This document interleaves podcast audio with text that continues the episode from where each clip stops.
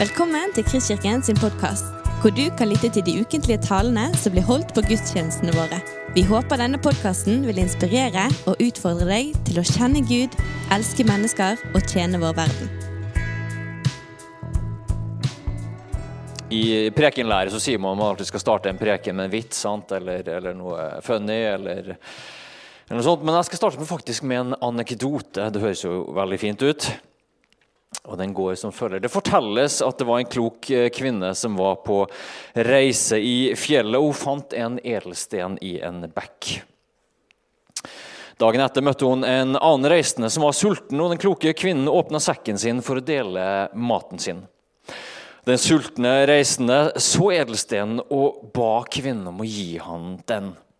Det gjorde hun uten å nøle. Den reisende dro fryda seg over sin lykke, for han visste at steinen var verdt nok til å gi ham økonomisk trygghet resten av livet. Men noen dager senere så kom han tilbake for å gi steinen til den kloke kvinnen igjen. Og han sa, 'Jeg har tenkt.' Jeg vet hvor verdifull steinen er, men jeg gir den tilbake i håp om at du kan gi meg noe som er enda mer verdifullt. Gi meg det som du har i deg som gjorde at du kunne gi meg noe så verdifullt. Gi meg det du har i deg som gjorde at du kunne gi meg steinen. Og Da har vi plutselig lodda ned på 1000 fots dyp med en gang i prekenen. Det som man ikke skal gjøre. Man skal jo starte lett, og så skal man dykke ned. Men der er vi. altså. Og En annen måte å snakke om der er kanskje visdom. Kanskje var det visdom denne kloke kvinnen hadde i seg, og som denne reisende etter hvert så var verdt mer enn edelstenene. Og Et av hovedtemaene i Jakobs brev som du nå går gjennom, det, det, det er flere stikkord der. Tålmodighet er et stikkord. Utholdenhet er et annet. Men visdom er også et sånt ord som går igjen. Og Som Håvard påpekte sist preken, som jeg anbefaler å høre, ligger på podkast, så er det en del likheter med det som er visdomslitteraturen i Bibelen, og spesielt Salomos ordspråk og Jakobs brev. Det er konkret veiledning for hvordan leve livet her og nå, hvordan leve livet med visdom. Og I Jakobs brev så møtte vi faktisk det her allerede i kapittel 1, hvis du fulgte med, eller hvis du leser eh, hjemme. Og Der sier jo Jakob så konkret og så tydelig at den som mangler visdom, skal be om visdom. Han skal be Gud om visdom, og han skal få det. For Gud gir villig. God himmelske Far, vi legger de her eh, minuttene i dine hender, og vi ber om at eh, du skal bruke ditt ord til å tale til oss, til vårt hjerte, til våre tanker, til våre følelser. Herre, sånn ditt ord kan få slå røtter i oss Herre, og vokse opp til å bli et mektig tre som bærer frukt. Amen. Da leser vi, eh, og vi leser Jakob 3 fra vers 13. Er noen av dere vis og forstandig da man viser det gjerning i et rett liv preget av den ydmykhet som visdommen gir? Men bærer dere bitter misunnelse og selvhevdelse i hjertet, da må dere ikke skryte og lyve mot sannheten. Den slags visdom kommer ikke ovenfra, men er jordisk og sjelelig, ja, demonisk. For hvor misunnelse og selvhevdelse rår, der er det uorden og alt som er ondt. Men visdommen ovenfra er først og fremst ren. Dernest er den fredselskende, forsonlig og føyelig. Rik på barmhjertighet og gode frukter, upartisk og uten hykleri. Du kjenner deg igjen, sant? Og Rettferdigheten er en frukt som blir sådd i fred og vokser fram for den som skaper fred. Så hva er visdom? Det er jo en sånn ting som kanskje er vanskelig å definere, men som vi kjenner igjen, kanskje iallfall, når vi ser det. Skriften har mye å si om eh, temaet og bruker egentlig kanskje ikke så mange presise definisjoner, men mange bilder på det her med visdom og hva det vil si å leve i og med visdom, og at det finnes måter, nærme, måter å leve på som, som, ligger tett opp til visdom, og det finnes måter å leve på som, som er det motsatte. Eller for å bruke kanskje mer sånn eh, populære ord på det. Det finnes en måte å leve på som er i harmoni det er et flott ord, med hvordan vi er skapt, og i harmoni med skaperen sjøl. Og det finnes en måte å leve på som er i disharmoni. Eller for å si det enda mer presist og med litt vanlige norske ord det finnes en måte å leve i rett relasjon til livet.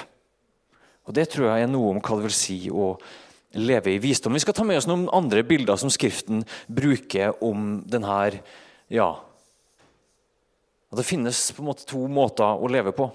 Du har bildet av grenen som lever påkobla stammen, eller som er avskåret fra stammen.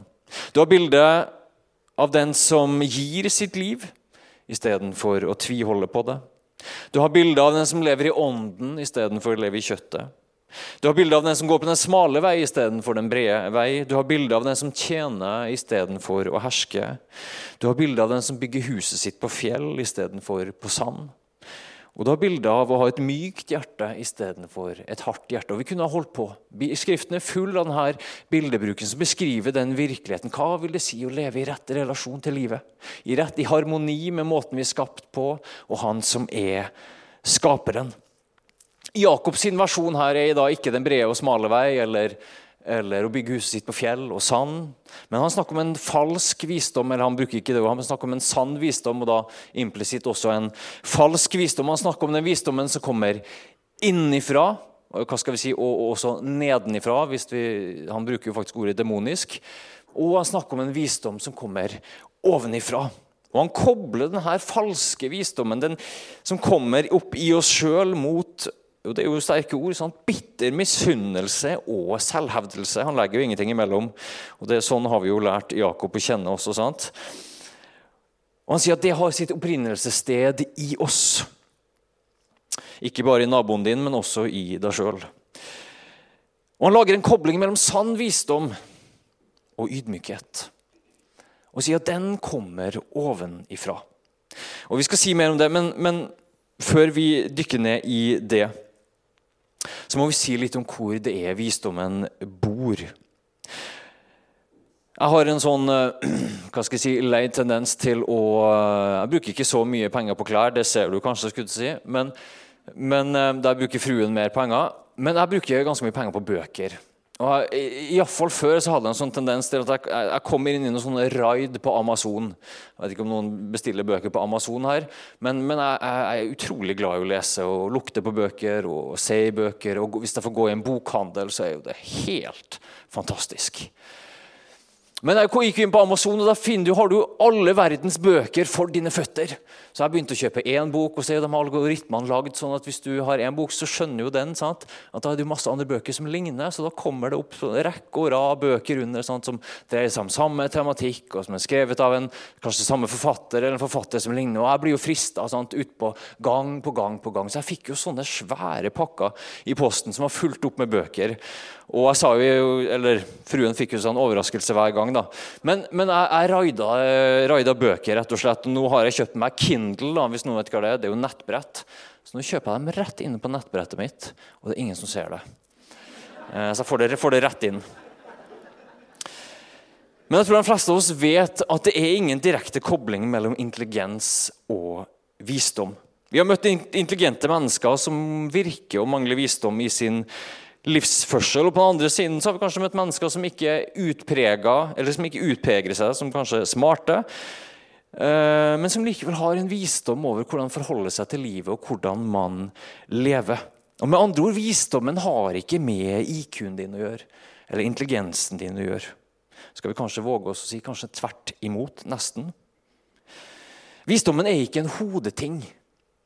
Det er hjertets området. Og Jakob gjør også den koblingen her. Han, han snakker om at her, de her elementene som vi beskrev, finnes i hjertet. Og hjertet da ikke som bare forstått som, liksom, som noe sånn sentimentalt, som bare våre følelser. Men når Skriften snakker om hjertet, så er det vårt indre menneske, vårt indre sentrum, våre verdier og holdninger, underbevisstheten, våre indre ideer, som er styrefjær i hvordan vi tenker og ser, og hva det er vi, vi på en måte setter pris på i livet og, og, og jager etter i livet osv.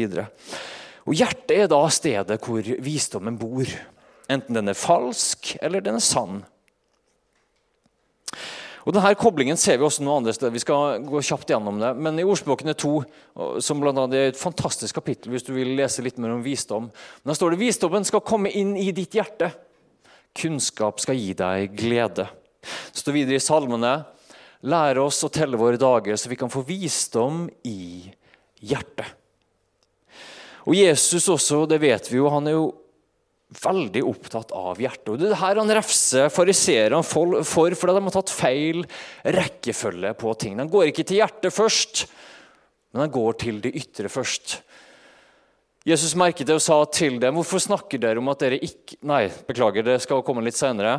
Um, men han sier ved dere skriftlærde og farisere, dere hyklere, dere gjør beger og fat rene utvendig. Men innvendig, altså i hjertet, er de, er de fulle av griskhet og grenseløst begjær. Du blinde fariseer, rens først begeret innvendig, så blir også utsiden ren. Så Jesus er opptatt av hjertet. Og Fascinerende nok så gjør også en eh, som vi ikke har tid til å gå for mye inn på i dag, men, men Jesus gjør en kobling med faktisk det å ha et hardt hjerte og uforstand eller mangel på visdom. Det er når Jesus har sagt eh, til fariseerne at de skal passe seg for surdeigen til Herodes og de skriftlærde. Og Jesus snakker jo i bilder. Disiplene tenker at han snakker om noe fysisk, så de tenker at han snakker om brød. og Så sier Jesus Jesus merket og sa til dem, hvorfor snakker dere om at dere ikke har brød? Begriper og forstår dere ingenting? Har dere så harde hjerter? Så han kobler uforstand, mangel på visdom, mot et hardt hjerte. Ok, men du, Den visdommen som da kommer innenfra og nedenifra, som Jakob er opptatt av, den falske visdommen, eh, den kommer da innenfra oss sjøl. Det er noe som Jakob har vært inne på også i kapittel 1, som han kommer tilbake til igjen også i kapittel 4. Om at vi har noe i oss, begjæret, sier Jakob, lystne, appetittene våre. Ting i oss som, som, som reiser seg, eller vi kan kanskje bare oversette det med egoet, og som eh, som kommer fra vårt eget hjerte, som leder oss ut i fristelse, og som kan rive og slite i oss. Og Vi vil forskjellige ting, og som kan slite oss i å ville ting som ikke nødvendigvis er i harmoni med Gud. Og Jakob trekker fram det her med misunnelse og selvhevdelse. Det kan godt være han kunne trukket fram andre ting. Men hvis du skal sette en overskrift på hva er det liksom, ok, bitter misunnelse og selvhevdelse, hva er det det dreier seg om, så må det jo være egoet. Både misunnelse, at jeg ikke unner deg noe godt, eller iallfall ikke akkurat det gode som du har akkurat nå, eller vil ha det som er ditt. Og selvhevdelse. altså Her ligger det jo i navnet at jeg har, en, jeg har et sånn indre behov for å blåse opp meg sjøl og markere meg sjøl osv. Det handler om å sette seg sjøl i sentrum. Det er egoets visdom. Og vi har jo alle et ego. Til og med pastoren har et ego. Og jeg tror Vi skal passe oss litt for utviklingen av et sunt ego. Nå er jeg ikke psykolog, så jeg skal, ikke si for mye om det her, men det er jo også helt nødvendig for å leve som menneske. Og Vi ser jo det her ekstra tydelig når vi ser på, på barn. Sånn de første årene så, i fall snakker man om det her. Altså, barnet har ingen forståelse av at man er atskilt fra mor. Alt er en stor enhet. Sant? Men så blir han to, så blir han tre år, og så kommer det jo en helt ny virkelighet inn. Så begynner man å kanskje tenke at det var noe i arvesynden likevel. Men så kommer det opp ting, sant? og det er jo ikke noe som står så sterkt som for et barn som den private eiendomsretten. Den er min. Og Vi kan smile og, og le, og sånn, men mye av det handler jo om også bare å få utvikle et, et, et hva skal vi si, et, et, ego. Man må prøve å feile, og man må ha det til en viss grad, et sunt ego for å rett og slett kunne navigere som menneske. Og navigere i verden rundt oss. Det er en forskjell på mine behov og andre sine behov og osv. Men egoet leder oss også inn i problem.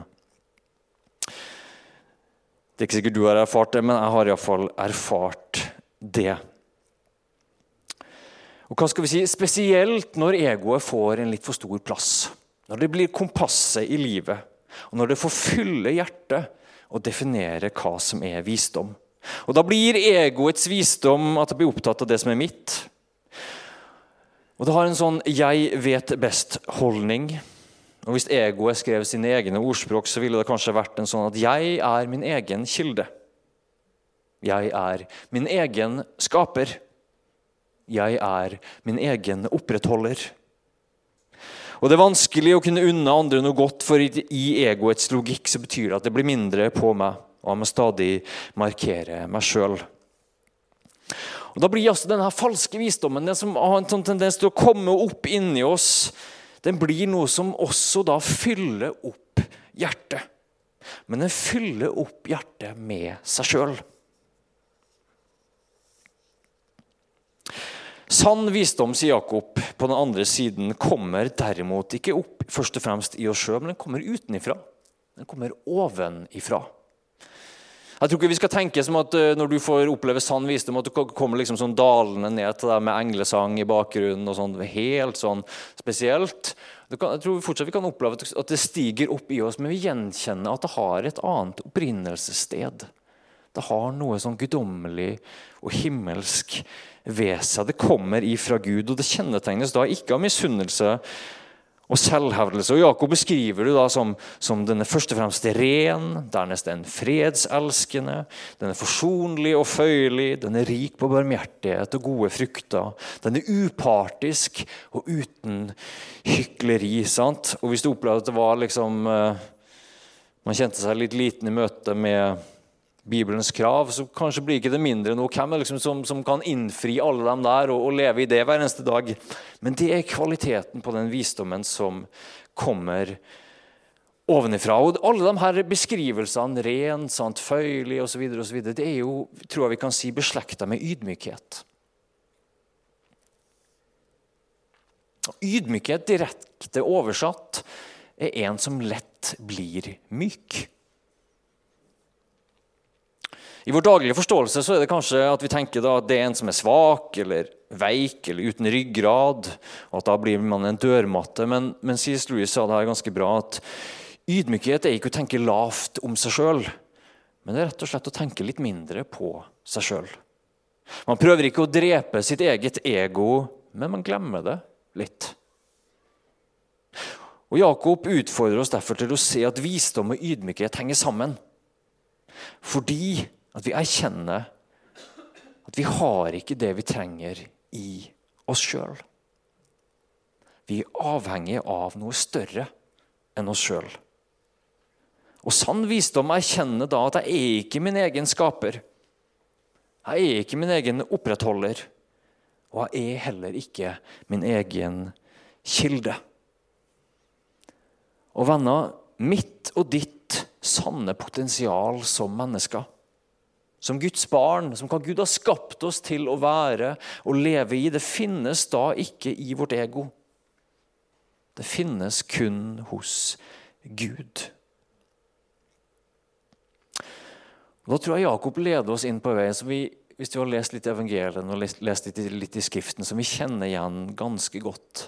Han leder oss inn på en sånn indre vei. Han leder oss inn mot en hva skal jeg si, en indre jobb. Ikke, ikke frelsen, men hva vil det si å begynne å rydde plass til Gud? Det er en indre jobb. Og som vi sa innledningsvis, så er visdom er jo hjertets domene. Og Derfor utfordrer Jakob oss til å ha fokus på hjertene våre. Til å ha fokus på den indre tilstanden og på at jobben som eventuelt må gjøres, er en indre jobb. Hva hjelper det å forandre verden utenfor hvis verden innenfor er prega av uorden og ondskap? Eller som noen sa det så fint sant? Vil du forandre verden, så begynn med deg sjøl. Ikke begynn med ektefellen eller naboen, selv om det er fristende. Men hvordan starter vi i så fall på denne jobben? Jeg har hatt perioder i livet mitt hvor jeg liksom har tenkt at nå er jeg en skikkelig god kristen. For nå står jeg på og arbeider, og jeg bekjenner synd, og jeg gransker meg sjøl, og jeg tar meg sammen osv. Ja, og av og til så er det nok element av det. Men med mine 35 år, da, det er jo lite i forhold til en del av dere andre her, så har jeg liksom erfart at det der får meg liksom mindre og mindre altså Det gir mindre og mindre god frukt, og det får meg egentlig ikke så mye framover. Og det har kanskje mest med egoet faktisk å gjøre. Det med at jeg så lett vil ty til min egen viljestyrke og kraft. Selv når det er for å få til såkalte kristelige motiv det får meg rett og slett ikke så veldig langt. Og Jeg tror Jakob gir oss en pekepinn, for han sier jo at denne sanne visdommen, den som kommer oventifra, den skal vi be om. Og Det betyr jo at det er noe som vi i utgangspunktet ikke har. Vi skal be om den. Den kommer ovenfra. Og Det betyr at det er utgangspunktet noe vi ikke har, og det betyr også at det er utgangspunktet noe vi ikke kan skape på egen hånd. Men hør etter. Jeg tror Her ligger noe av nøkkelen. Det er noe vi kan legge til rette for. Og Siden jeg snakker om hjertet, og vi skal, vi, skal, vi skal, avslutte med det, så har jeg lyst til å bruke tre beskrivelser som i hvert fall har gitt meg noe i hvordan ok, jeg kan ikke skape denne visdommen. Jeg, jeg må be Gud om den, faktisk. Men Gud gir villig. Men hvordan kan jeg legge til rette for denne visdommen? Jeg kan ikke eie den, sånn som kanskje egoets visdom tenker. At jeg eier meg sjøl og eier alle de gode svarene som jeg har. Så kan jeg ikke eie denne visdommen, men jeg kan rydde plass, jeg kan legge til rette. Jeg tror En måte å gjøre det på eh, og Beklager hvis det blir litt svevende, men det er sånne ting som taler til meg. Jeg har et lyttende hjerte. Et lyttende hjerte. Du vet, Egoet vårt er jo her, noen som har beskrevet det som en sånn denne utestemmen som vi har inni oss.